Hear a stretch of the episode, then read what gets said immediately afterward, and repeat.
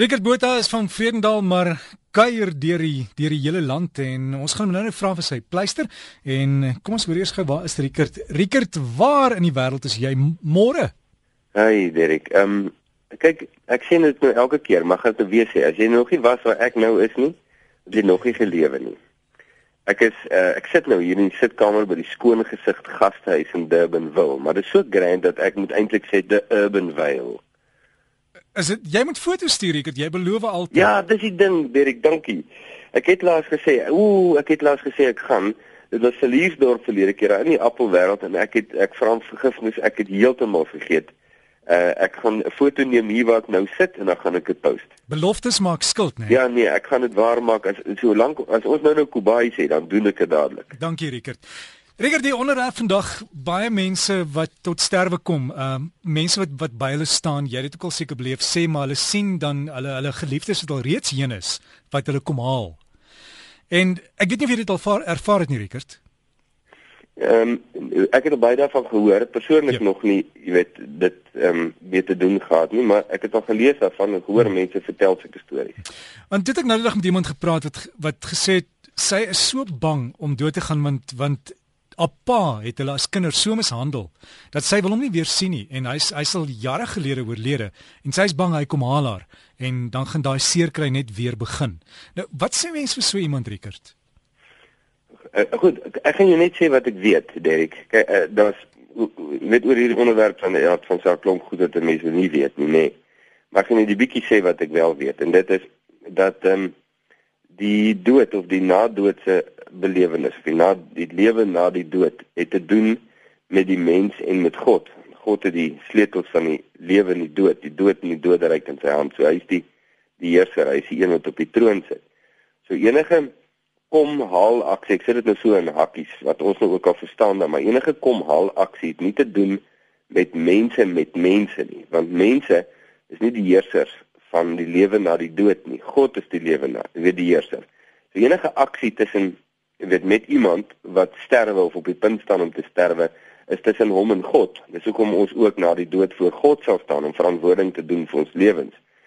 En uh dis dit daar's 'n groot belangrike dinamiese ding wat gebeur wat ons en met ons verwysingsraamwerk aan hierdie kant nou glad nie verstaan nie. So dan aan die een kant is dit mos nou normaal, jy weet dat ek nou dink aan wat nou mag gebeur uh, volgens my verwysingsraamwerk. So nou hoor ek sê nou maar, um, maar jou geliefdes kom jou haal, nê? Nee. En nou nou dink ek ja maar die mense wat naby my was wat nou geklassifiseer kan word as geliefdes of familie, uh, ons het 'n verskriklike slegte verhouding en daar was dalk mishandeling en so so die laaste persoon wat ek wil hê my moet kom haal is sê nou maar in die voorbeeld met my pa of so.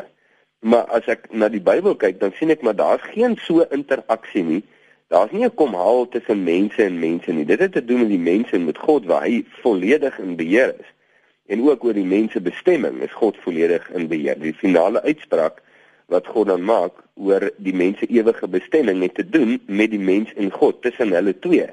En dit wat ek gekies het hierdie kant van die van die graf is dit wat God my gaan toelaat om te geniet aan daardie kant van die graf. Jy weet vir my die keuse van my gevolge, andersom die gevolge van my keuse gaan net aan, maar dit het niks te doen met mense nie. So ek ek weet sulke sulke verhale waar mense nou sulke goed sien, ehm um, kan ek nou self nie uh, ek kan nie gewig daaraan uh, sit in my hart nie, want want ek verstaan dat ek weet nou nie of die Here uh, weet ek ek die storieetjies kan ek nou nie ek kan dit nie vat vir my nie. Ek kan nie sê dit is hoe dit is nie want ek verstaan dat dit, dat God my ehm um, my siel sal neem.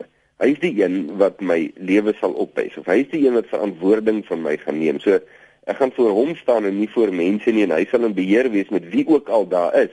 Die wat nie daar moet wees nie sal nie daar wees nie. En dit dis die beginpunt van so 'n gesprek. Rickert vir iemand wat dan weet hulle staan aan die einde van hulle lewe, wat deur trauma is wat swaar gekry het, wat mishandel is. Hoe gee hulle dan vergifnis aan aan iemand daai laaste keer om te sê uh, dis reg, um, wat gebeur het, dit net nie weer gebeur nie, maar ek ek vergewe jou. Ja. Kyk, die beginsel van dit is ehm um, uh, ek dink baie keer dink 'n ou vergifnis is net pure welwillendheid. Jy weet is is is 'n oomblik van nice guy wees. Dis waar jy sê okay, okay, alright, jy weet soos jy nou ook nou miskien sê moet dit net nie weer gebeur nie. Maar eh, weet as ons nou reguit mekaar praat, Daar gebeur dan verskriklike goed tussen mense en mense. Weet die goed wat mense aan mekaar doen is baie keer onbes is baie keer van so hard dat jy wil dit nie eens hardop sê nie want dit ontstel jou gees.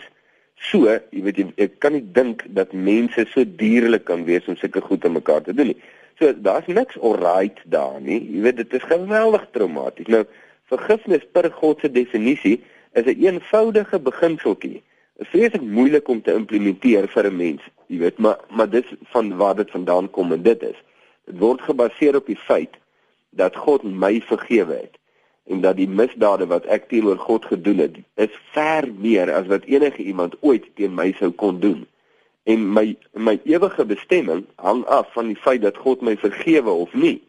En die oomblik sou ek vir God vra om my te vergewe en ek verneder my hart voor hom en buig my knieë voor hom en ek sê Here, vergewe my, ek het verlore, vergewe my. Jy weet baie mense wat op die einde van hulle lewe staan, is hierdie ding is nie 'n grap en hulle weet, hulle weet, hulle maak erns hiermee.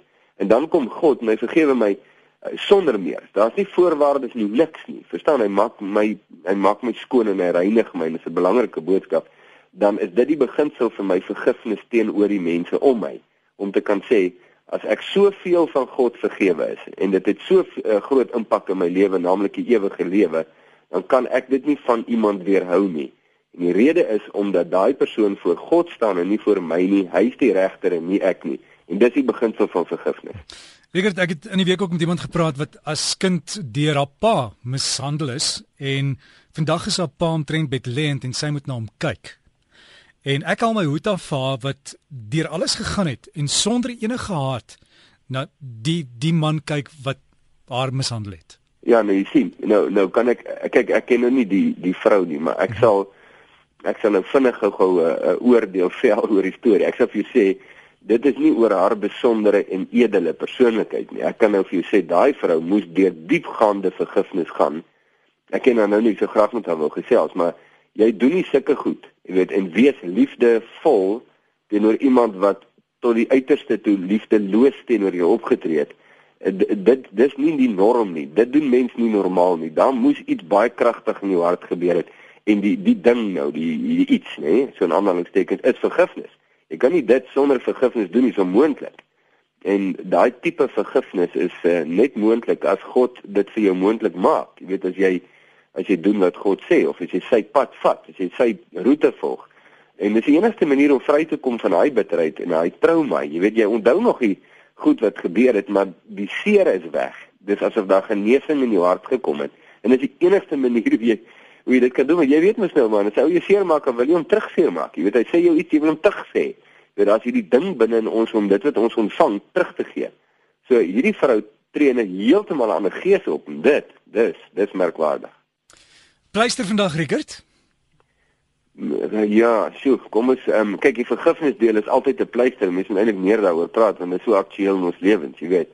So daar's definitief 'n pleister in, maar as ons nou vat met die oorspronklike vraag oor die ewigheid en die mense in die ehm um, kom ons sê miskien net iets daaroor of sê God is in beheer van die ewigheid en ehm um, en uh, as ek my lewe in God se hande vertrou het, is hy die een wat my kom haal. Weet hy is die een wat my ontvang. So dit is vir baie mense dalk 'n onbekende deel om in die dood in te gaan, maar snaaks genoeg, die mense wat hulle siele in God se hande gesit het, hulle hanteer die onbekendheid van die dood heeltemal anders dan. Dit dit is ook 'n fenomeen. Jy kan bietjie met terapeute praat asof jy sê, ehm um, want daar's iets wat hulle in hulle harte weet wat net vas is. Jy weet dit maak hulle veilig voel.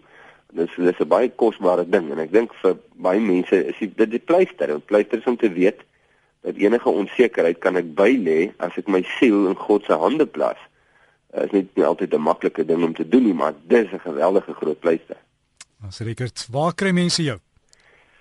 Ehm um, ja, ek is dis nou lekker om te sê ek is nou ek is nou na 'n uh, taamlike afwesigheidjie terug op op Facebook en ek wil hom net so sê vir Albert en Andrei wat my op Facebook help. Dis nou in Jesus se voetspore.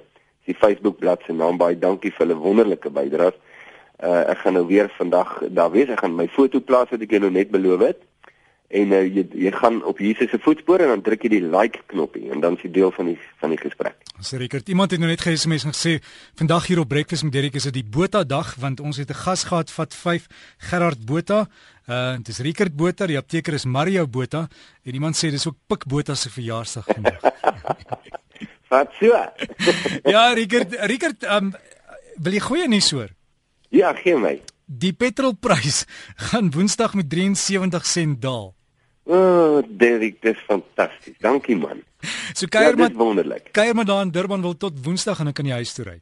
Ja, ja, dit is omtrent so iets. Baie dankie man. Jy moet 'n lekker naweek hê. Ja, dankie Rickert Botha, ons leraar wat saam met ons kuier hier op Breakfast met Derek daar in Durban wil en jy kan hom volg op Facebook in Jesus se voetspore en ons sal wag vir daai mooi foto wat hy nou nou vir ons gaan opsit.